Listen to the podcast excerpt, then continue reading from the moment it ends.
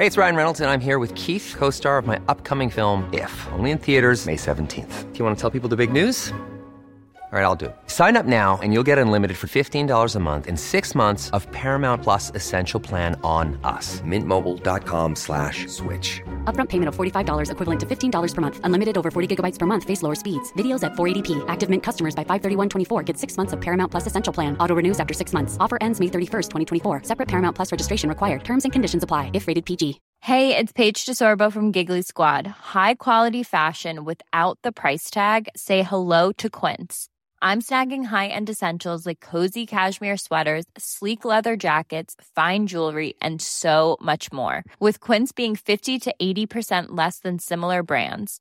And they partner with factories that prioritize safe, ethical, and responsible manufacturing. I love that. Luxury quality within reach. Go to quince.com slash style to get free shipping and 365-day returns on your next order. quince.com slash style.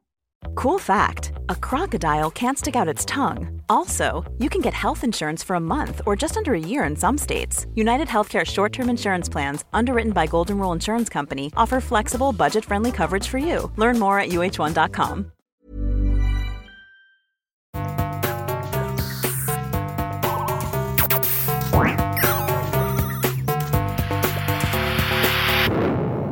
Velkommen til Sinnsyn. Jeg heter Sondre Risom Livre, er psykolog, og dette er Webpsykologens podkast. Hverdagspsykologi for fagfolk og folk flest.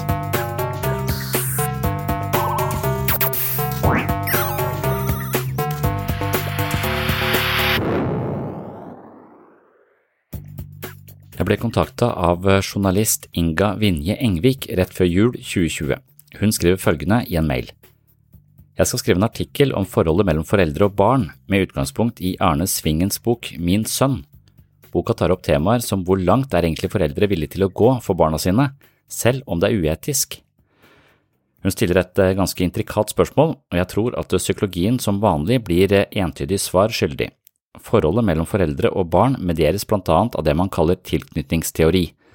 En trygg og stabil tilknytning regnes ofte som utgangspunktet for en solid og bærekraftig modningsprosess mens ustabile eller fraværende omsorgspersoner sørger for en mer vaklende og skjør psykologisk profil.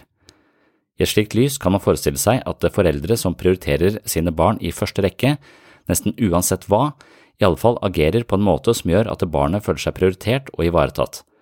Hvis foreldre prioriterer andre hensyn før sine egne barn, selv om disse hensynene kan være moralsk prisverdige, kan man risikere at tilknytningen til egne barn svekkes hvis dette her da gjøres i stort omfang, at man eh, for eksempel eh, prioriterer religiøse tilbøyeligheter eller eh, vekkelsesvirksomhet osv. på bekostning av barnas behov, så kan jo barna da føle at de kommer i andre rekke, og det kan da i verste fall gå utover tilknytningen til egne barn. Så i dette spenningsfeltet oppstår det sannsynligvis en rekke moralfilosofiske spørsmål man eh, kunne diskutert i hundrevis av år, men Inge og jeg diskuterte dem bare i 45 minutter. Det er altså spørsmålet om uh, hvordan foreldre prioriterer uh, egne barn. Prioriterer vi de høyere enn alt annet, selv om det måtte gå på kompromiss med våre etiske overbevisninger? Eller lar vi etiske retningslinjer og andre prioriteter komme i første rekke fordi vi mener at det er eh, prinsipper og etikk som står høyest. Og her kan man se for seg tusenvis av eh, situasjoner som man kan eh, veie i den ene og den andre retningen, men jeg har ofte møtt mennesker som har følt seg nedprioritert av foreldrene sine fordi foreldrene har jobbet iherdig for en ganske prisverdig sak. Det kan være å reise rundt og misjonere for eh, et eller annet livssyn de tror eh, inderlig på og mener at de frelser og redder tusenvis av mennesker, mens barna må bare flytte etter og gå for lut og kaldt vann, noe som eh, skader på sett og vis barnas tilknytning til foreldrene, men foreldrene mener jo at de har klart å redde masse skjebner fra et eller annet faenskap i et senere liv, for eksempel. Så det er et uh, typisk eksempel på en situasjon hvor foreldre kan uh, risikere å prioritere andre hensyn mye høyere enn egne barn. Og så kan man komme inn på mer sånne intrikate forhold hvor uh, man må stå opp for barna sine, selv om man vet de har gjort noe galt, eller man må kanskje dekke over for barna sine osv., og, så og er det noe man da er villig til å gjøre som forelder? Er man en slags løvemor eller løvepappa som uansett hva passer på eh, barna sine? Eller eh, vil man eh, av og til måtte gå imot barnas ve og vel, og det man vet vil føre til at barna får det, får det vanskeligere, fordi at dette ikke er i overensstemmelse med moralfilosofiske hensyn vi, vi mener vi må ta, da. Så det er egentlig en ganske interessant problemstilling. Jeg tror eh, som sagt at eh, moralske føringer er ekstremt viktig i et sivilisert samfunn. Samtidig så kan vi ikke prioritere den gode sak alltid fremfor barna våre. Et, eh, et sigende eksempel er når vi kjøper dyre ting til barna våre de egentlig ikke trenger, så kunne vi jo isteden kjøpt myggnetning så barn i Afrika ikke dør av malaria. Så for én iPad kan du redde fem liv, men isteden så har barna dine kanskje to iPader. Og, og i så henseende så dør det jo afrikanske barn inne i stua di hver gang de spiller på disse iPadene. Og det mener jeg er eh, ganske moralsk forkastelig. Samtidig så innser jeg at jeg må eh, ta vare på barna mine, og at de kommer til å få ting fordi jeg er ekstremt privilegert og veldig heldig som uh, gjør at jeg Så de, de, har en slags forståelse. Akkurat det med å kjøpe materielle ting er kanskje ikke det, det beste eksempelet, men det at de vet at uh, jeg vil uh, ta vare på dem i første rekke, det tror jeg er ekstremt viktig for tilknytningen til, til mine barn. Hvis de tenker at jeg er en sånn Peter Singer-figur som, eh, som, uansett vil veie enhver krone opp imot hvor mye velstand den kan gjøre i verden, noe som gjør at de sannsynligvis ikke vil få uh, så veldig mye, for alt vil gå andre steder, eller oppmerksomheten min vil gå andre steder, for det kan uh, bli det kan gjøre mer nytte for seg et annet sted enn hos dem, så vil det kanskje svekke tilknytning til egne barn, men det vil samtidig Eh, kanskje føre til at jeg får gjort mye godt eh, rundt meg. Kanskje jeg kan bruke psykologifaget til å hjelpe flere folk, eh, som da får et eh, mye bedre liv og en høyere livskvalitet. Eh, og sånn sett kan jeg hjelpe et titalls mennesker, mens eh, barna mine da må, må klare seg uten min oppmerksomhet i, i flere timer i døgnet. Og sånne overveielser er ikke, ikke enkle. Men jeg tror at hvis alle var moralsk høyverdige og alltid prioriterte eh, det, det, store perspektivet, altså hadde en slags empatisk sone som strekker seg ut til hele, hele verden, være det man kaller verdenssentriske, og hele tiden prioritere det store bildet fremfor sine nærmeste, så tror jeg kanskje at tilknytningen til våre nærmeste hadde blitt svekka, noe som på sikt hadde ført til et samfunn fullt av mennesker med ustabile tilknytningsmønstre og indre uro, som da til syvende og sist ikke hadde vært bærekraftig på noen som helst måte. Så selv om det er moralsk riktig å kanskje ta hensyn til flertallet fremfor bare sine egne, denne småbarnsfascistiske holdningen hvor vi passer på vår egen lille flokk eller vår egen lille familie, det er ikke nødvendigvis moralsk veldig vakkert, men, men, i et tilknytningsperspektiv så tror jeg kanskje det er viktig. Og det er litt av det vi spinner rundt i denne samtalen med Inga i, i dag. Hvis du vil eh, se videoversjonen av eh, denne samtalen mellom Inga og meg, så finner du den på patron.com for segs sinnssyn under overskriften Foreldre og barn. For dere som er eh, nye her på Sinnsyn, kan jeg kort informere om at Patron er en side hvor du kan støtte podkasten med et selvvalgt beløp i måneden. Som takk for din støtte får du et medlemskap på Sinnsyns mentale treningsstudio. Det vil si at du får mye mer sinnssyn hver måned, du får tilgang til mange eksklusive ekstraepisoder. Du kan høre meg lese min egen bok Selvfølelsens psykologi og etter hvert Jeg, meg selv og selvbildet, så de bøkene kommer altså gradvis ut som lydbok på patron.com for segs sinnssyn. Du kan også se en rekke videoforedrag som ikke blir publisert andre steder, og du kan få en ny mental øvelse hver måned som har til hensikt å styrke dine mentale muskler. Så snart du tegner et abonnement på mitt mentale treningsstudio på patreon.com for segs sinnssyn, så vil du åpne alt ekstramaterialet som tilhører ditt abonnement umiddelbart. Det vil si at du plutselig får mer enn 100 poster fra sinnssyn som åpenbarer seg i en egen app, eller ved å legge inn din eksklusive feed i din favorittpodkastspiller. Så du får altså en egen feed som du kan putte inn i podkastspilleren din, og så dukker alle disse episodene som kun ligger på Patron opp, så du får tilgang til de. Eller du kan laste ned en Patron-app hvor du får både videoer, hvor du får alt jeg skriver, og hvor du får disse ekstra episodene og alt dette ekstra materialet som finnes på mitt eh, mentale treningsstudio. Så hvis du finner verdi her eh, på sinnssyn, har lyst og mulighet til å støtte prosjektet og kan tenke deg mye mer materiale fra denne podkasten, så er patrion.com for segs sinnssyn stedet for deg. Tusen hjertelig takk til alle dere som allerede støtter meg på Patron. Det er lyttere som dere som gjør det mulig for meg å lage nye episoder hver uke. Tusen hjertelig takk. Ahoy, Betty! Var det ikke en god idé å la deg grave ned, far? Nå sitter jeg helt bom fast her. Ja, far. Det var gøy. Eh, Far, Ja, Betty? kan du gå og kjøpe en is til meg? Nei, Betty. Vi skal ikke spise is nå. Hvorfor ikke? Fordi jeg kan ikke alltid bare gi deg det du vil ha hele tiden.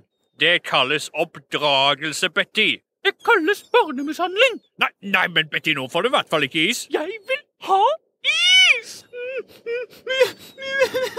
Har du lyst på is?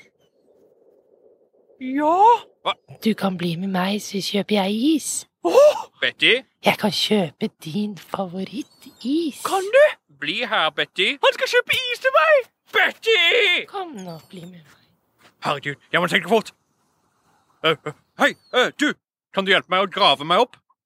Hvis du graver meg opp, kan du få masse is. Is? Ja, du, for du liker is. Is? Ja, ikke sant? Bare bruk den spaden der, og så bøyer du deg ned foran meg, og så graver du meg opp, og så skal du få så mye is du bare kan drømme om. Is? Ja, akkurat sånn, ja. Å, du er så flink nå. Is? Å, du skal få så mye is av meg. Is? Å ja, ja, ja, ja, akkurat sånn, ja. Hei, stopp med det der, ditt svin.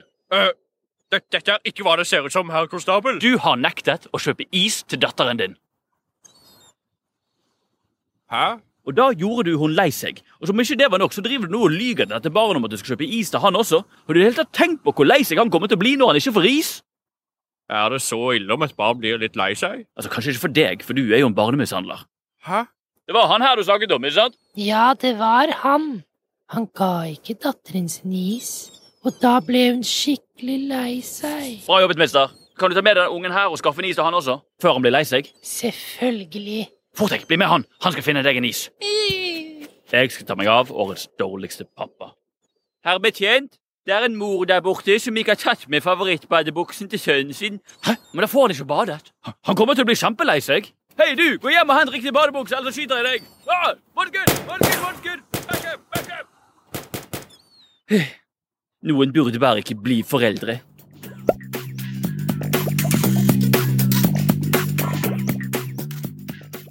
Først og fremst eh, takk for at du ville stille opp igjen. Jo, bare hyggelig. Eh, bra man får eh, snakka med noen eh, også like før jul her. Det er Ja. noen som er opptatt. Mm. Eh, men eh, det jeg vil snakke med deg i dag, er forhold mellom barn og foreldre. Eh, og da spesielt det her med hvor langt foreldre er villige til å gå for barna sine. Så jeg tar utgangspunkt i en bok som heter 'Min sønn', som er skrevet av Arne Svingen. Der det er en mor, hun er alenemor, da, som mistenker at sønnen sin har begått et mord. Eh, og så går hun da veldig langt for å beskytte denne sønnen. Så det er litt det her psykologiske bak det. Jeg er litt interessert i hvorfor er folk eller foreldre villige til å bryte veldig mange etiske grenser da, for å beskytte sine barn. Ja, kanskje det er det som konstituerer en god forelder, nesten sagt. Ja, sant. Um, Så ja. Nei, det er vel nesten, nesten mer et slags filosofisk spørsmål, nesten. Et psykologisk eh, spørsmål, nesten. Men, eh, men vi har snakket en del om det denne uka her. eh, Den boka til Paul Bloom som heter 'Against Empathy', hvor han sier at empati er en, eh, er en følelse som, som selvfølgelig er viktig og tjener oss på en viktig måte, men samtidig så kan den også anspore oss til å gjøre ting som ikke nødvendigvis er moralsk riktig, da. Mm. At uh, vi, vi føler sterkt for de menneskene som vi har nært på oss, og vi vil også prioritere de høyt. Så i, i pasientsammenheng så vil det si at en pasient jeg liker godt, og som jeg kommer til meg ukentlig, gir jeg kanskje flere timer enn høyst nødvendig, fordi at det, det virker som det er fint for begge parter, på en måte, eller jeg tenker at det er viktig for den personen, selv om jeg vet at vedkommende ikke nødvendigvis har noe mer å hente i terapi. Men hver gang jeg tar den avgjørelsen, så vil jeg også ta en avgjørelse på en annen menneskes vegne som ikke får den plassen, og som dermed ikke får den behandlinga på det tidspunktet de kanskje hadde trengt det. Så, så man tar også masse avgjørelser som gagner sine nærmeste, men som også indirekte da skader eh, eh, folk du ikke er i direkte kontakt med. Og sånn er vel empatien vår skrudd sammen, at den er litt sånn lokal. Eh, og så kan du eventuelt eh, zoome litt ut og få et litt større perspektiv på ting. Og da kommer det en del sånne filosofiske dilemmaer. Men jeg tror nok det også, eh, også ha på en måte beskytte barna sine eh, er en eh, innleira del av oss og en viktig del av det å være forelder. For det er jo eksempler på foreldre som mangler det, eller som har andre føringer som overstyrer det ansvaret eller den, den følelsen de har for barna sine. F.eks. disse Brennpunkt-dokumentarene fra Jehovas vitner, f.eks. Mm. Så virker det som om du risikerer å vokse opp med foreldre som prioriterer Gud høyere enn deg, eh, og du kommer i, eh, i andre rekke. Og hvis du ikke mener de riktige tingene, eller gjør de riktige tingene, så støter de deg ut. Og den trusselen der sånn, den trusselen ved å ikke kunne stole blindt og fullt og helt på omsorgspersonene sine, den er nok forbundet med litt sånn tilknytningsforstyrrelser, vil jeg, vil jeg mene. At det, ikke en, det representerer ikke en trygg tilknytning. Så vite at foreldrene dine eh, støtter deg eh, i tykt og tynt, selv om det da av og til vil moralsk gå på bekostning av noe annet, det tror jeg sånn mellommenneskelig sett er ganske verdifullt. Så det kommer en eller annen cutoff der hvor du på en måte er nødt til å gjøre disse vurderingene. Men jeg tror nok eh, altså vi gjør ting for våre nærmeste som skader andre. Altså vi gjør ting også for å, vår egen komfort som skader miljøet. Eh, men, men når det kommer til mennesker, så, så, så kjøper jeg ting til barna mine som de ikke trenger. Jeg kunne brukt de pengene på myggnetting til eh, folk eh, som står i fare for å få malaria, men jeg gjør ikke det. Så indirekte så, så kunne jeg kanskje redda et liv, men jeg kjøper en iPad isteden. Mm. Og det er fordi at jeg prioriterer mine nærmeste høyt. Og etter hvert som jeg vokser i mine At min moralske på en måte orbit utvides, da jeg er mer moralsk orientert mot en større landskap, så vil jeg også kanskje ta andre avgjørelser som kommer til å påvirke barna mine.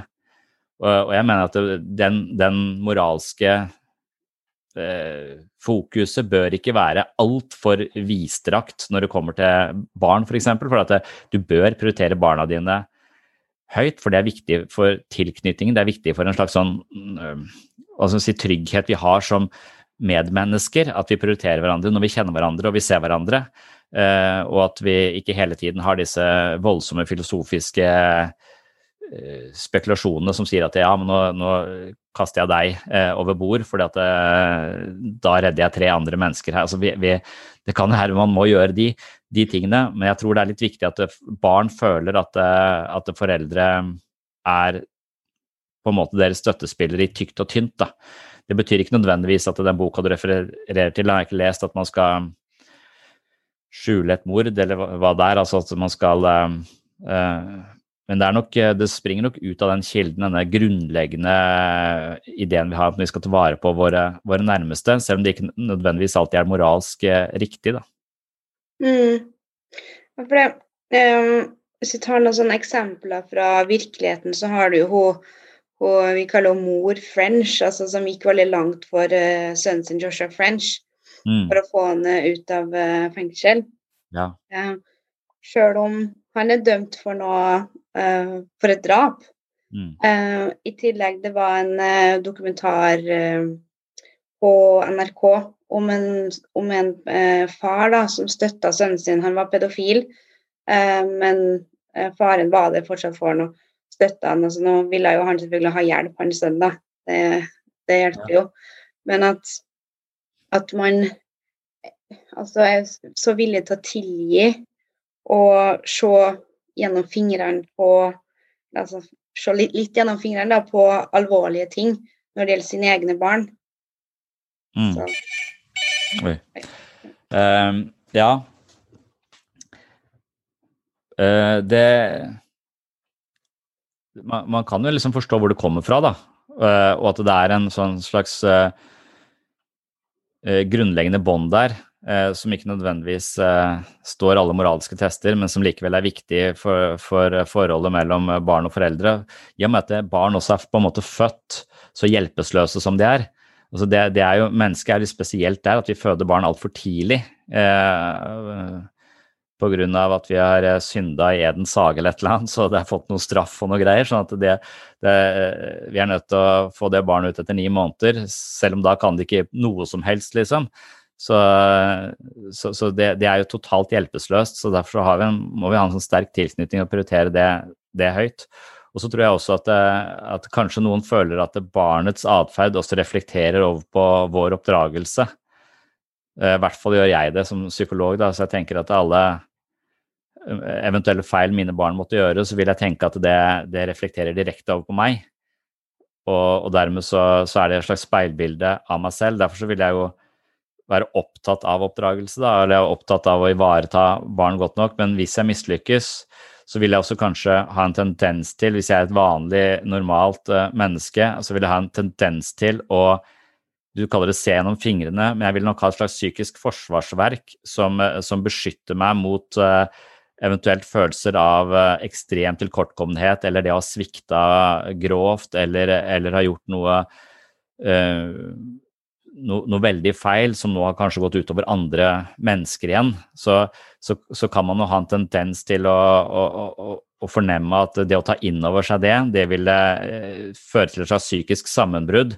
Så man holder det på en slags avstand ved hjelp av psykologiske forsvarsmekanismer, hvor man tviholder på en sannhet man innerst inne kanskje ikke er helt sikker på, men man tviholder på det, for det er, liksom, det er bærebjelken i i, i, min selvfølelse eller mitt, uh, min opplevelse av meg selv. Så det kommer noen psykiske forsvarsmekanismer inn der også, kanskje, når det er åpenbart at den man beskytter, kanskje ikke er helt uskyldig, uh, men man likevel tviholder på den, en annen type sannhet enn det andre eventuelt ser, eller en domstol vurderer.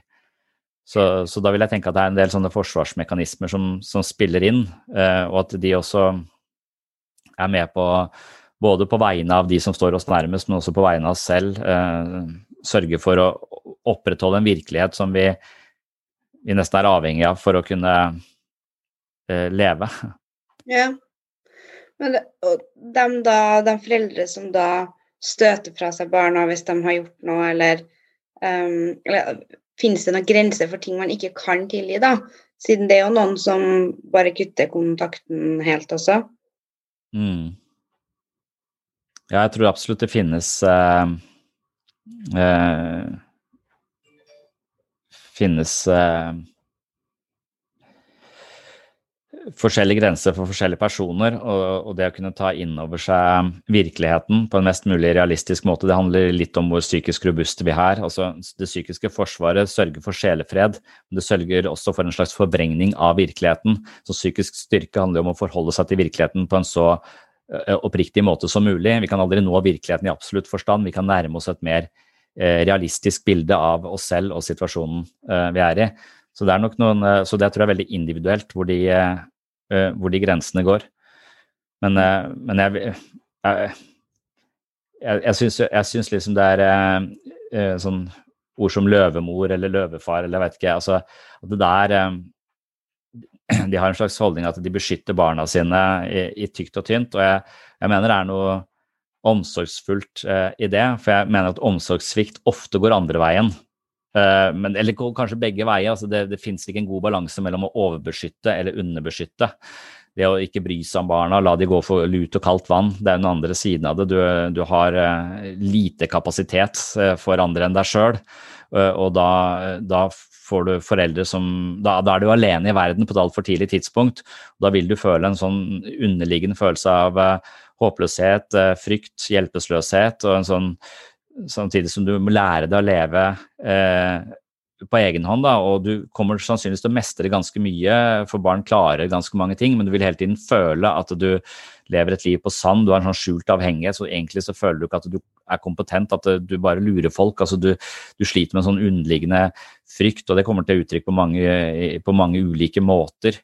Eh, så, så, så, du har jo foreldre som ikke, ikke går i døden for barna sine, og så har du, eh, har du foreldre som, som, beskytter barna sine så mye at de, de konstruerer et Pluto lekeland altså i hele verden, så de sørger for at barna aldri Eh, aldri støter på noen eh, skarpe kanter i det hele tatt, og barna blir eh, litt veike i møte med virkeligheten på et eller annet tidspunkt. Så, mm. Så da, da, undergraver du barnets autonomi, da, som også er en slags grov omsorgssvikt, egentlig. Altså Du beskytter og beskytter og beskytter så mye at barnet ikke blir selvhjulpen på noe som helst måte. Så det er jo å gjøre barnet invalid, nærmest. Og så kan du la de gå for lut og kaldt vann, som er som er en annen måte, en annen type omsorgssvikt. Det er det vi ofte assosierer med omsorgssvikt, da, å ikke ja. følge opp barna sine. Men det å følge opp for mye er nok en annen type omsorgssvikt som, eh, som er litt mer eh, vanskelig å, å oppdage. Ja. Og så er det noe Altså, jeg, jeg regner med det, jeg svarer ja, men er det noe spesielt med mor? Altså mor versus far overfor barn? Ja, Altså, jeg mener jo sånn grunnleggende sett at det sannsynligvis er en eh, Det er jo en nebrokjemisk forskjell på menn og kvinner i forhold til ulike hormoner osv. som utskilles eh, i, i, den prosessen hvor barnet kommer til verden osv. Og, og, og det er noen biologiske forskjeller der som, som gir noen I hvert fall er det er en forskjell, da. Samtidig som jeg er tilbøyelig til å tenke at forskjellene langsomt uh, utviskes. De utviskes hvis jeg, Sjelden de vil utviskes helt, det tror jeg ikke, men jeg tror at vi nærmer oss. Så jeg tror at likestilling er et ideal som vi holder høyt, og som jeg tror er ekstremt viktig. Og jeg tror at det også påvirker oss som mennesker. Kanskje, til med, kanskje til og med kulturelle idealer om likestilling kan, når det får etablert seg godt, langsomt påvirke oss biologisk også. Jeg tror ikke at vi blir 100% like, eller det vet jeg ikke, det, det er vel en sånn lang evolusjonær prosess, da. men jeg tror likevel at, eh, at til mine foreldre så var det et større forskjell på menn og kvinner enn det er på meg og min kone. Eh, og jeg tror mine barn er to, to døtre og en sønn, altså at de også opp altså Jeg tror de nærmer seg hverandre, og jeg, jeg tror det er snakk om feminine og maskuline krefter. Eh, for, for, det tror jeg ikke er noe sånn kjønnsrolleaktig å si. Jeg tror at ethvert individ har en blanding av maskuline og feminine krefter, hvis vi kan kalle det det. da. Eh, og så tror jeg at, eh, at kvinner langsomt adopterer noen av de maskuline tendensene i, i, takt med kulturelle føringer, og at menn adopterer en del av de feminine Eh, tendensene, sånn at vi blir mer like, og dermed fungerer vi også mer likestilte eh, som omsorgspersoner og har stadig, en stadig mer likestilt rolle overfor, overfor barna. Og de maskuline kreftene, det handler jo om eh, å sette grenser og, og, og gi konsekvenser. Eh, mens de feminine handler om å, relasjon så, så, hvis man tenker at det er noen stereotyp forskjell på menn og kvinner, så er det ofte det at man, uh, man tilskriver kvinner et mer relasjonelt fokus. Uh, og da vil liksom overskriften være på, på, forhold til et barn at jeg, jeg, elsker deg uansett hva, mens en far, eller den maskuline, som også bor i begge til, ville si jeg elsker deg, men hvis du gjør sånn og sånn, så får det konsekvenser. Uh, så, så, det er noen klare, klare føringer, føringer der. Så jeg opplever at eh, jeg er bedre At jeg er mer eh, Jeg er mer på å sette grenser, og jeg er eh, litt mindre tålmodig og tolerant overfor voldsomme emosjonelle uttrykk i, i hjemmet enn det kona mi er. Så jeg føler vi er litt sånn stereotype, og det er en konflikt vi stadig vekk kommer tilbake til. Altså ikke konflikt, er en diskusjon hun hele tiden har. For hun er også psykolog, hun er veldig opptatt av eh, emosjonsfokusert eh, terapi og jobber med barn. Så det å bekrefte barns følelser og, og tone seg inn og, og, de ting der er veldig mm, veldig viktig, og jeg forstår teorien. Eh, men den er også ekstremt feminin. Så det er veldig mye Det er, det er en veldig sterke feminine krefter. Og så når jeg føler at det blir så mye feminine krefter og jeg ikke helt klarer å leve opp til det, da, så går jeg litt i forsvar og så slår jeg et slag for, eh, for det maskuline, tror jeg. Og, og sier at jeg, ja, jeg, må sette grenser. Og så sier hun at ja, når du setter grenser på den måten og er så tydelig og, og forlanger så mye, så snakker du til en person som ikke har et mottakssystem. De har ikke prefrontal cortex eh, aktivert på en sånn måte at de kan ta imot den beskjeden eh, når de er så eh, aktiverte. Eh, så, så, du på en måte kjefter på, på et barn eh, som ikke kan noe for at de ikke har eh, reguleringsevner tilstrekkelig til å leve opp til de forventningene du har. da.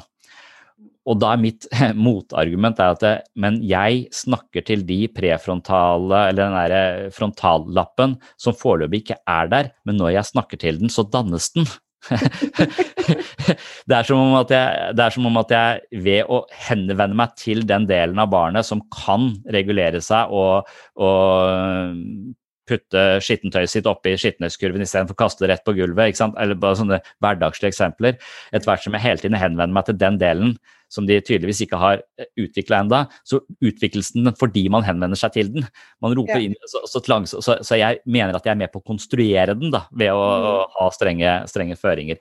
Men jeg tror det er i terapi, i all menneskelig samhandling, så er det dette spenningsfeltet mellom å støtte, trygge, forstå, akseptere, prøve å leve seg inn i, eh, samtidig som man setter eh, også noen føringer og noen rammer. Eh, og jeg tror det vanskeligste som forelder er egentlig å si nei. Jeg, jeg syns også det er lett å si ja til alt på en, på en måte. altså at det er det å orke og tåle at barnet ditt blir lei seg, at det blir skuffa, eh, at det ikke får det som, som, du vil. altså At du representerer en del av sånn verden kommer til å være, og stå i det, og ikke bare gi etter. Eh, det, det, det tror jeg er eh, litt sånn Kanskje det tilhører det maskuline, men det er også ganske vanskelig. Jeg tror vi får en litt annen type patologi hvis vi ikke eh, Hvis vi er for slepphendte med det da, og gir barna for lite motstand mm. eh, i, i, i, verden. Yeah. Planning for your next trip? Elevate your travel style with Quince. Quince has all the jet-setting essentials you'll want for your next getaway, like European linen, premium luggage options, buttery soft Italian leather bags, and so much more. And it's all priced at 50 to 80% less than similar brands. Plus, Quince only works with factories that use safe and ethical manufacturing practices. Pack your bags with high-quality essentials you'll be wearing for vacations to come with Quince. Go to quince.com slash trip for free shipping and 365-day returns. Mom deserves the best, and there's no better place to shop for Mother's Day than Whole Foods Market. They're your destination for unbeatable savings, from premium gifts to show-stopping flowers and irresistible desserts. Start by saving 33% with Prime on all body care and candles. Then get a 15-stem bunch of tulips for just $9.99 each with Prime. Round out Mom's menu with festive rosé, irresistible berry chantilly cake, and more special treats. Come celebrate Mother's Day at Whole Foods Market. There's never been a faster or easier way to start your weight loss journey than with PlushCare. PlushCare accepts most insurance plans and gives you online access to board-certified physicians who can prescribe FDA-approved weight loss medications like Wigovi and Zepbound for those who qualify. Take charge of your health and speak with a board-certified physician about a weight loss plan that's right for you. Get started today at plushcare.com slash weight loss. That's plushcare.com slash weight loss. plushcare.com slash weightloss. Og da um, Du snakka jo litt om sånn feminin, feminin og maskulin her, for det, det, er jo eh, sånn en kjent sannhet at eh, mor og sønn og far og datter ja. er en spesielle bånd der. Mm. Eh, kan du si litt om det? Du vet ikke så mye om det, jeg bare opplever det selv. Ja. Uh, så, så, at jeg som jeg sa, jeg har to døtre og en sønn. Jeg opplever at det er eh, sønnen min som er i midten, som eh, på sett og vis er lengst fra meg. Sånn, eh, men han er veldig tett på, på, på, moren, da. Og at jeg har liksom en tettere kontakt med, med døtrene. Um, så jeg jobber litt med det, for jeg er liksom litt, nesten litt sånn redd for å Jeg har sånne drømmer sånn, jeg drømmer at jeg mister han. Altså at, jeg, altså at jeg, jeg tenker at jeg må finne eh, finne tilbake til, til, det. Men tre barn er totalt kaos, og det er vanskelig å finne eh, opp og ned på, eh, på noe som helst. Men det er, jo, det er jo sånne Kanskje det er disse freudianske kompleksene da, som, som, som spiller inn. Altså, jeg har aldri helt forstått det Elektra-komplekset til Freud. Altså, jeg klarer ikke helt å gjengi det, men jeg har en sånn viss forståelse for denne Ødipus-komplekset. Mm.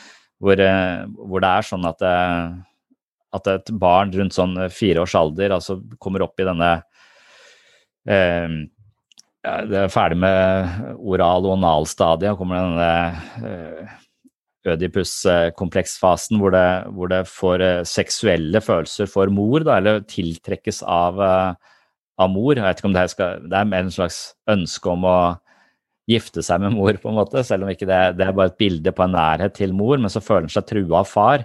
Og så prøver han i utgangspunktet å vinne over far, da, eh, men så merker at far er sterkere eh, enn en selv, så den, den taper den kampen. Og isteden da for å fortsette å kjempe mot overmakten, så vil uh, sønnen prøve å bli som faren isteden og identifisere seg med faren. Så det er en sånn prosess hvor man liksom får en slags identifisering med, med foreldre av samme kjønn da, og prøver å bli som. Sånn at eh, da blir eh, far en slags rollemodell eh, istedenfor en fiende. Fordi man gir opp kampen, man kan liksom ikke vinne. Um, så, så, jeg vet ikke hva det um, Hva det har å si, men Nei, jeg, jeg jeg er nok kanskje mer sånn maskulin enn jeg trodde, men jeg hadde en sånn frykt før jeg fikk barn. Altså at jeg var litt redd for å få gutt, for jeg trodde liksom at jeg kanskje ikke var uh, tøff nok. men, så, men, så, føler jeg at den gutten er liksom er, Jeg, jeg syns kjønnsforskjellene sånn, uh, Både når jeg ser jeg er fotballtrener for jenter, jeg ser liksom også jenter De er, de er likere enn jeg kanskje tenkte at jeg følte meg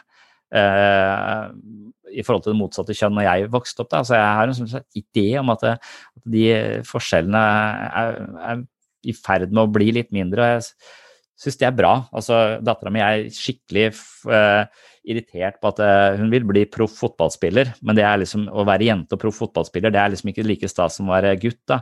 Men nå kommer jo alle de store lagene, Manchester United, de får kvinnelag, så det er liksom på vei uh, framover. Det blir mer uh, ja. Mm. ja. Men jeg, jeg veit ikke helt om jeg forstår sånn psykologisk sett den tilknytningsmekanismen, at det er forskjell på, på gutter, og, gutter, og, jenter? Nei. Mm. Nei, uh, det er grunnen til at jeg spør, egentlig bare for jeg så denne artikkelen som var på nettsida. Ja. Um, men da var det forskjell på menn og kvinners forhold til mor. Da, da er det jo snakk mer om i voksen eh, voksenstadiet. For da kommer ja. kanskje dit hen at når når man blir voksen, så det du skriver at døtre spesielt, så blir at mor og datter sammenligner seg. Um, ja. Og at uh, mor da ser, ser på dattera si som altså, eksempler på skjønnhet og unghet. Altså. Uh. At det et, blir et trøbbel, at da er det enklere å uh, connecte med sønnen, da. Ja, ok. Ja. Ja, sånn ja. ja. Jeg husker ikke akkurat den, jeg har ikke lest meg opp på den. her, Men det kan jo sikkert være noe, noe det. Altså at man, og så er jo liksom ideen litt sånn generelt sett at, eh, at kvinnelige relasjoner er litt mer eh, kompliserte. Fordi at eh, hvis du har et fravær av de maskuline prinsippene som er litt sånn mer sånn logisk anlagt, da, hvis du gjør det, så får det, det konsekvensene. Ikke gjør det. Så det, det opererer mer på regler enn på følelser. Og dermed så blir samspillet litt mer sånn clear cut. Mm. Eh, så, så, hvis vi fortsetter å opprettholde den stereotypien på en måte mellom det maskuline Selv om vi, vi kan slutte å, å, si at det hører til menn, menn, eller kvinner, men vi kan si at det, en overvekt av maskuline krefter vil ha en litt annen justis. Sånn at eh, hvis du gjør noe feil i en gruppe, så får du straff. Eh, du får blodpupp, som det heter. Altså de vrir deg. Jeg husker vi fikk, det, eller vi fikk et slag i armen. Eh. Så fikk du straffen din, og så var det det som, som var Og så, så, var du inne i gruppa igjen. Du hadde tatt straffen din på en måte. Det er en veldig enkel måte å, å løse konflikter på, med vold. Ja. men, men, det er ikke nødvendigvis altså, Men hvis de feminine kreftene ikke har de klare reglene, og det er mer sånn føringer, så vil også straffene bli mer subtile og kanskje mer kompliserte, og det handler mer om psykologiske uh, utestengelse enn en konkret straff. Så at det, er, uh, at det samspillet er mer komplisert. Og når det er mer komplisert, så kan du også få mer kompliserte problemer. på en måte, sånn at du, eh, Enkle ting får enkle problemer, mens kompliserte ting kan også få kompliserte eh, problemer. Så kanskje det er litt av den, eh, eh den, den dynamikken som eventuelt kan oppstå mellom eh, mor, og, mor, og, datter, eh, også mm. i, voksen, i voksen alder. Men, jeg tenker på, på meg selv, så, så, så, tror jeg at det var ganske sånn stereotypt kjønnsrollemønster. Altså, de var likestilte, og de jobbet begge to. og var type, Moren min var sykepleier, og faren min var lærer. Så, uh, men jeg merker at når jeg ringer til de, altså, så, er det, så, er det, så ringer jeg til Eh, avhengig av hva slags problem jeg har. Hvis jeg har et mer sånn emosjonelt problem eller jeg ønsker å snakke om noe, så er det naturlig for meg å ringe til moren min. Men hvis mm. jeg har et mer sånn, litt mer sånn praktisk problem eller jeg ønsker noe råd og noe veiledning, jeg trenger noen konkrete eh, vurderinger, så er det mer tilbøyelig til å ringe faren min. Så det her, jeg, jeg, jeg skiller nok mer enn noen ubevisst på Jeg vet ikke om jeg tar så veldig bevisst valg før jeg ringer, men, men jeg, jeg ringer av litt Det kommer litt an på hvorfor jeg ringer. Så ringer jeg til de ulike fordi at det, jeg opplever eh, at det, den emosjonelle støtten er nok lettere å få uh, hos den ene enn hos den andre. Og, men jeg får det hos den andre òg, altså, men det er liksom eh, Ja. Nei, men jeg, jeg kjenner meg litt igjen sjøl, jeg. Ja. det, det, er enkelte ting man ringer mamma for, og andre ting man ringer pappa for. Mm. Um, men så har du det her aspektet med når det er snakk om en aleneforelder. Um, ja. Og da kanskje spesielt for det den boka handler jo om en uh, alenemor. Mm. Uh, og da har hun jo en tenåringssønn, og denne sønnen de, Forholdet har jo De har jo ikke noe godt forhold, egentlig. Uh, og for, hva er det da som skjer? Altså, det er noen tenåringsfase, det er alt sånt her, men de, de, har egentlig bare hverandre samtidig, og bor under samme hus, men samtidig så klarer de å, å, å ha et litt sprokkent forhold, da. Um, er, det, er det bare tenåringsfase, liksom, eller kan det være noe mer? Ja, tenåringsfase er eh, tror jeg er ekstremt vanskelig. Freud var ikke så opptatt av det. Anna Freud var opptatt av det, for hun mente at det ego, altså i tenåringsfasen så kommer det så mange enorme eh, hormonelle krefter. Eh, det kommer enormt mange krav fra den ytre verden. Eh, så ego på en måte tvinges i kne. Da. Det kan ikke håndtere alle disse impulsene og alle disse hensynene.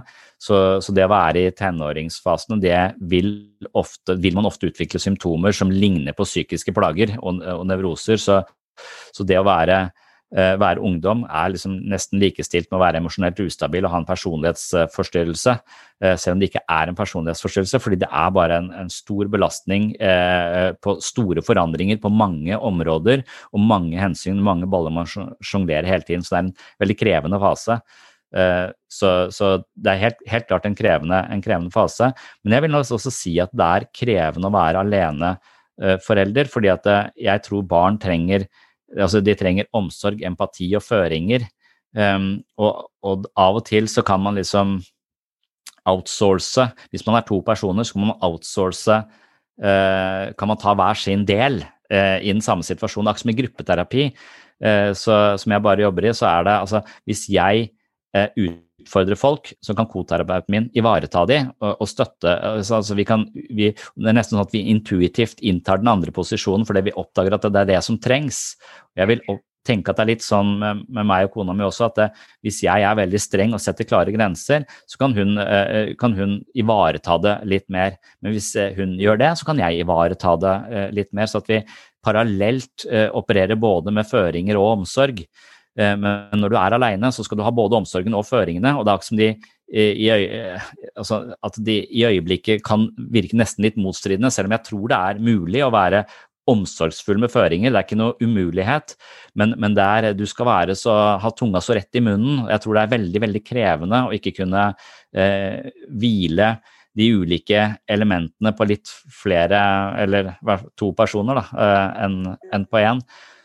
Så, samtidig som, eh, som, i en ungdomstid så blir du utsatt for enormt eh, eh, Disse enorme kreftene vil også projiseres ut på forelderen, så forelderen er en person som, som blir dytta mye på. ikke sant? Altså, eh, foreldre er en posisjon da hvor barnet skal bli Altså ungdommen skal bli selvstendig.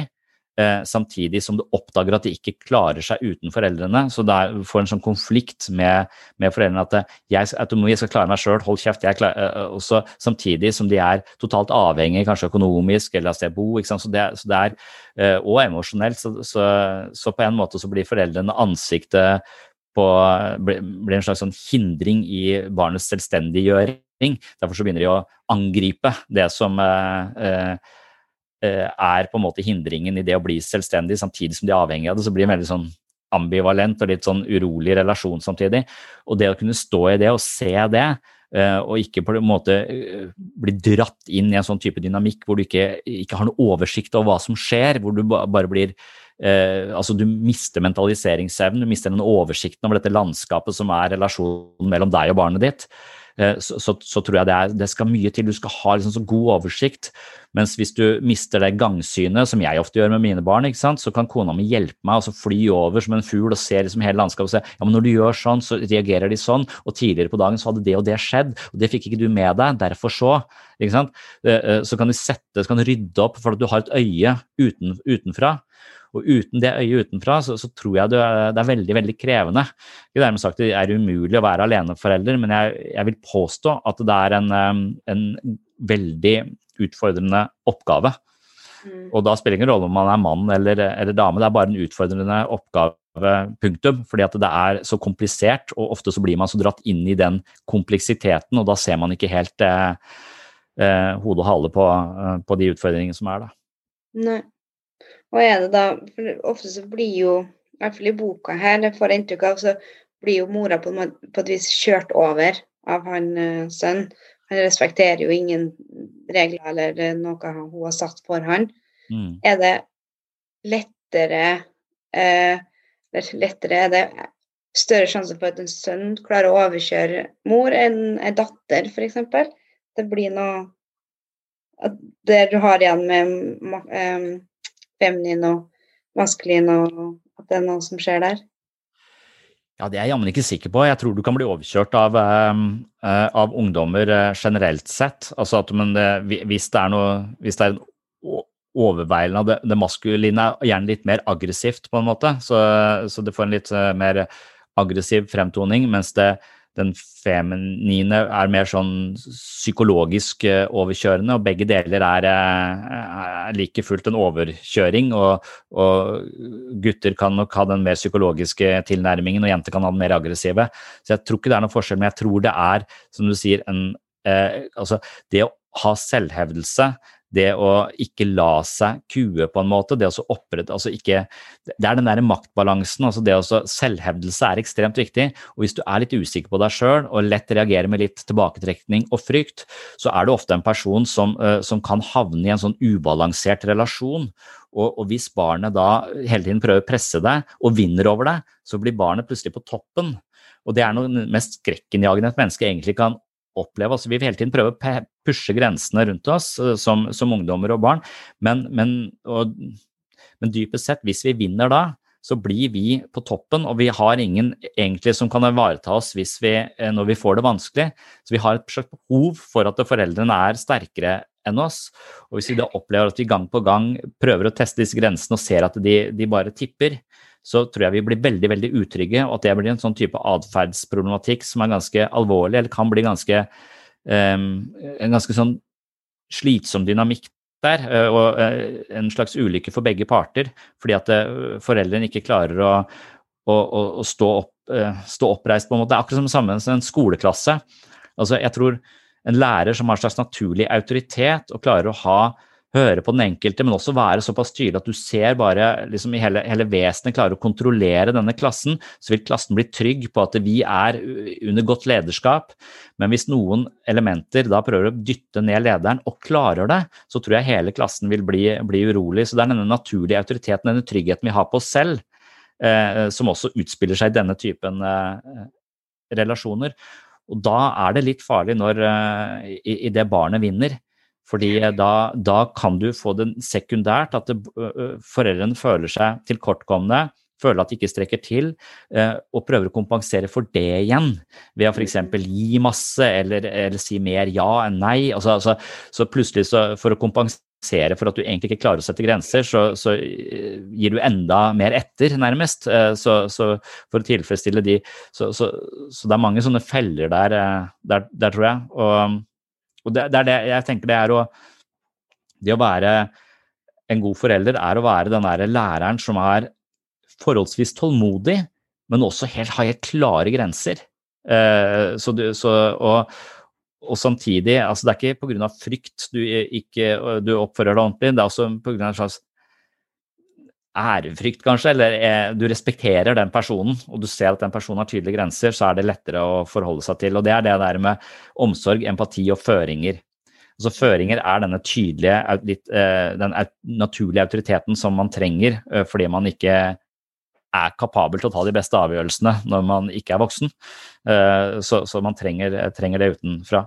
Og så hvis, hvis, man, sånn som Jordan Peterson, mener at det er en slags tendens i samfunnet at, vi, at vi, pendelen går over i det feminine, så jeg er veldig til å forstå og tåle og bekrefte følelser og, og, og trøste, eh, og at det kan bli en litt for sånn eh, myk eh, oppdragelsesstil, hvor vi får litt utflytende og kanskje mennesker som til en viss grad ikke helt eh, eh, aksepterer grenser, ikke egentlig er så flinke til å takle motstand, for de har alltid blitt hjulpet gjennom motstand. Og jeg må si at sånn, Rent personlig så er det også noe jeg eh, eh, opplever. Jeg klarer ikke helt å verbalisere det eller si hva som skjer. Men det er så opptatt av i skolen at foreldre må snakke sammen. Vi må ta en telefon. Vi må snakke. Så, så hver gang det skjer ett eller annet som ikke er helt strømlinjeforma på vei til skolen, en, eh, en småkrangling eller et eller annet, så blir det et voldsomt med telefon og foreldre som skal møtes og finne ut av dette og snakke sammen. Og, altså, vi, vi, skal, vi, er liksom over barna hele tiden for å løse konfliktene deres hvis det oppstår noen konflikter. Og jeg tror vi kanskje i verste fall da fratar barna muligheten til å løse disse konfliktene på egen hånd. Eh, og at det er en kompetanse du er nødt til å ha for å leve et eh, Eller for å orientere deg i virkeligheten når du blir litt større. Eh, så jeg er litt redd for at vi, at vi er for opptatt av å skulle fjerne alle konflikter. Og da er ikke dermed sagt at vi skal overse mobbing og, og faenskap som, som, virkelig er alvorlig, men jeg syns at den terskelen for når foreldre griper inn og skal snakke sammen, og lærere skal kobles inn og skal møter osv., den har blitt liksom lavere og lavere, da. Ja. Og, og, den skal være lavere enn den var før, hvor foreldre var totalt eh, eh liksom ute av liksom, Jeg husker hun Montgomery, som er veldig opptatt av, eh, eller veldig flink med, med barn, som hun sier at hver generasjon har sine utfordringer. Og min generasjon som jeg husker veldig godt, altså at jeg, at jeg vokste opp på, på 80-tallet. Der, der, var foreldrene mye mer distanserte og mye mindre involverte i hva vi dreiv med. Og lærerne var også veldig mye mer eh, distanserte og lite involvert i det sosiale på skolen. Mm. Så jeg gikk på en ungdomsskole hvor det å gå ut i frikvarteret var det samme som å dø. Ja. Eh, eh, så, og, og, men det var likt for alle. ikke sant? Det skapte en veldig sånn, jeg hadde, veldig god, hadde en god tid på ungdomsskolen, men jeg visste at hvis jeg går ut, spesielt hvis jeg går ut alene over i den andre bygningen, så risikerer jeg å dø. Det var som å hoppe ut i et hav med haier. Eh, som kunne eller ikke kunne angripe deg. Og jeg, det var ingen som til, til å beskytte deg da. Så, så, så det var liksom, og den frykten Det farligste for oss som vokste opp på 80-tallet, det var medelever. Ja. Det, det, var, det, var, den største trusselen eh, mot oss. Men etter hvert så, så, har man hjulpet på det ved at man har lærere ute i frikvarteret med gule vester. ikke sant, går og, og, og sørger for sånn at Da har miljøet endra seg, så det er mye tryggere. Og mer trygghet gir jo en mer sunnere utvikling. altså Det går rundt å være redd hvis du er ute, det er jo ikke, er ikke bra for vår psykiske helse. Så, eh, så, men så kommer det kanskje at vi blir for overbeskytta igjen. ikke sant, altså Vi finner hele tiden en balansegang mellom disse, eh, disse tingene. Men det å tåle litt, det å tåle noen skarpe kanter så Jeg er veldig opptatt av at barna mine ikke skal altså Når de kommer til meg og sier det og det skjedde, så er jeg, da, Oi, da må jeg ringe foreldrene. Det, det, er ikke min impuls i det hele tatt, og jeg irriterer meg over at det er eh, en impuls på et så lavt nivå. da. For jeg tenker at det, ok, det skjedde, han gjorde det med deg. Hvorfor tror du han gjorde det med deg? Hva var det som hadde skjedd før? Er han misunnelig? Er det, er det, hva, hva, er det som foregår her? Og hva gjorde du? Um, uh, og da sier de at jeg sa det til en voksen, uh, for det er det riktige å si.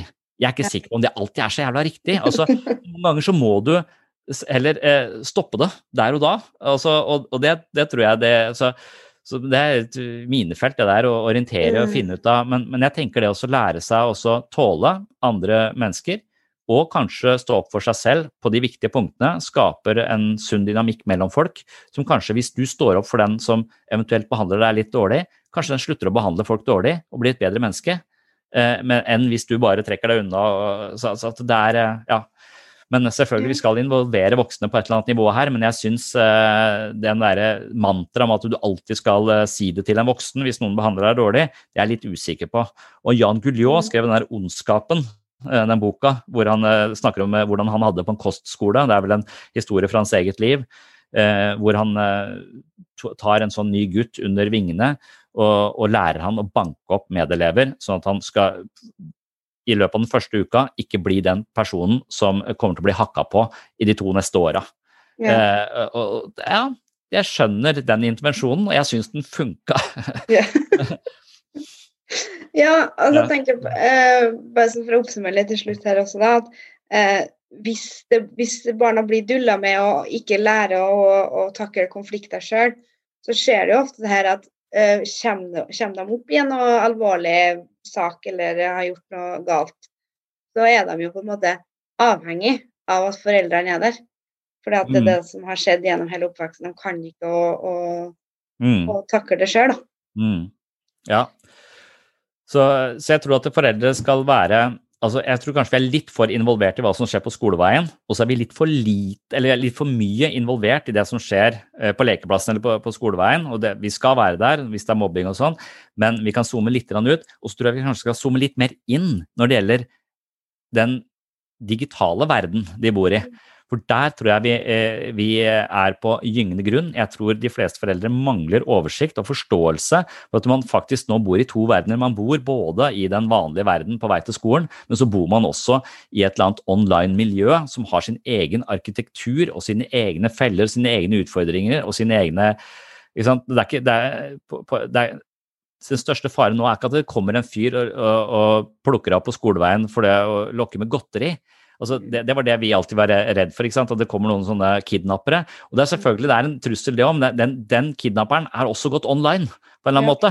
Og hva, hva slags uh, ting som skjer der, det, det tror jeg vi er litt sånn uvitende om. Så der, der kanskje vi bør sone litt mer inn, da. Uh, det føler jeg i hvert fall for min egen del, at jeg ikke helt har oversikt over uh, den digitale virkeligheten som de også bor i. Nei, det, det er sant. Der er det mye mer skumle ting som skjer der. Ja. Eh, yes, men uh, jeg er ganske sikker på at jeg har eh, fått uh, mer enn nok til å skrive saken. Mm. Eh, og så um, Jeg skal begynne litt på den i jula, men jeg sender deg sitatsjekk over nyttår. ja. Kjempefint, det. Ja. Yes. Da må du ha god jul. Jo, takk samme. Ja. Ok. Yes, ha det.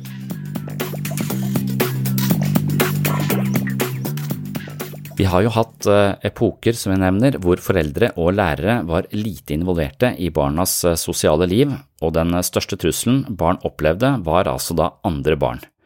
I dag er både lærere og foreldre langt mer involverte, og noen ganger er det helt nødvendig og viktig å være så involverte i det barna foretar seg, men av og til kan det grense mot overinvolvering.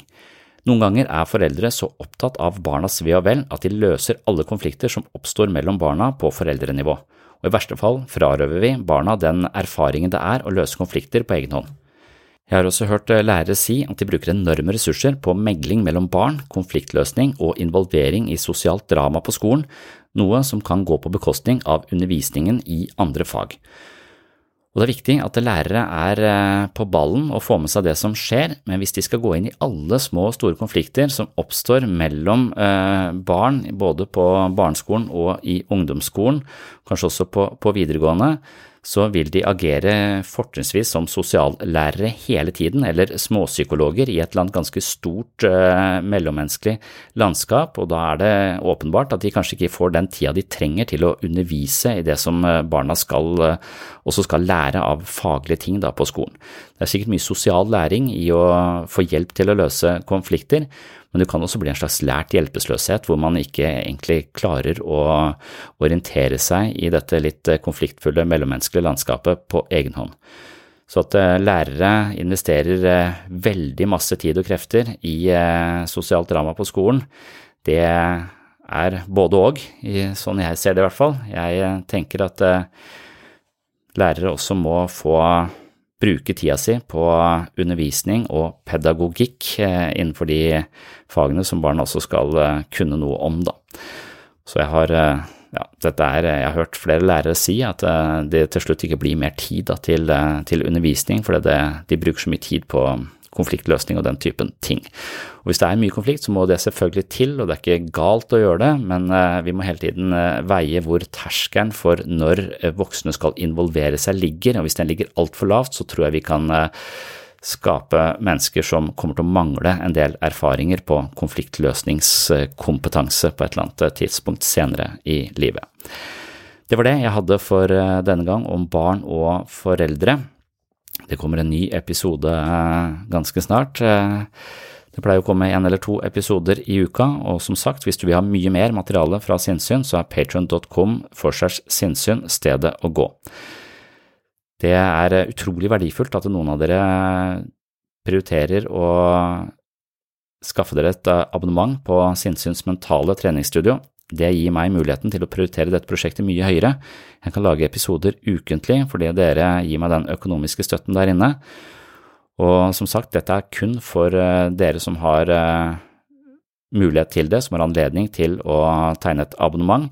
Dere som ikke har økonomiske midler til å, å støtte podkasten eh, med, med, et eh, månedlig beløp, dere skal selvfølgelig ikke gjøre det, og dere skal få gratis episoder her på den åpne podkasten uke etter uke og det skal eh, også da skal sørge for at dere får med dere det viktigste. Så Patron er for de som er eh, ekstra interesserte, litt over middels interessert i psykologi og filosofi, og i tillegg finner verdi her på podkasten, så de syns det er greit å støtte prosjektet. Tusen takk til dere, takk for følget, og på gjenhør!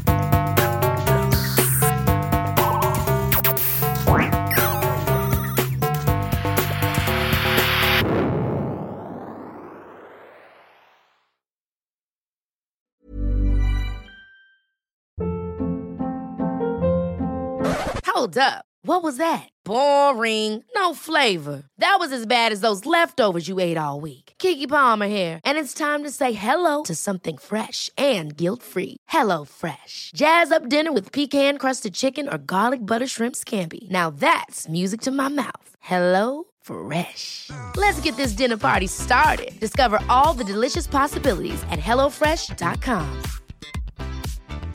Mom deserves the best, and there's no better place to shop for Mother's Day than Whole Foods Market. They're your destination for unbeatable savings, from premium gifts to show-stopping flowers and irresistible desserts. Start by saving 33% with Prime on all body care and candles. Then get a 15-stem bunch of tulips for just $9.99 each with Prime. Round out Mom's menu with festive rosé, irresistible berry chantilly cake, and more special treats. Come celebrate Mother's Day at Whole Foods Market. Hey, it's Paige DeSorbo from Giggly Squad. High quality fashion without the price tag. Say hello to Quince. I'm snagging high-end essentials like cozy cashmere sweaters, sleek leather jackets, fine jewelry, and so much more. With Quince being 50 to 80% less than similar brands. And they partner with factories that prioritize safe, ethical, and responsible manufacturing. I love that. Luxury quality within reach. Go to quince.com slash style to get free shipping and 365 day returns on your next order. Quince.com slash style.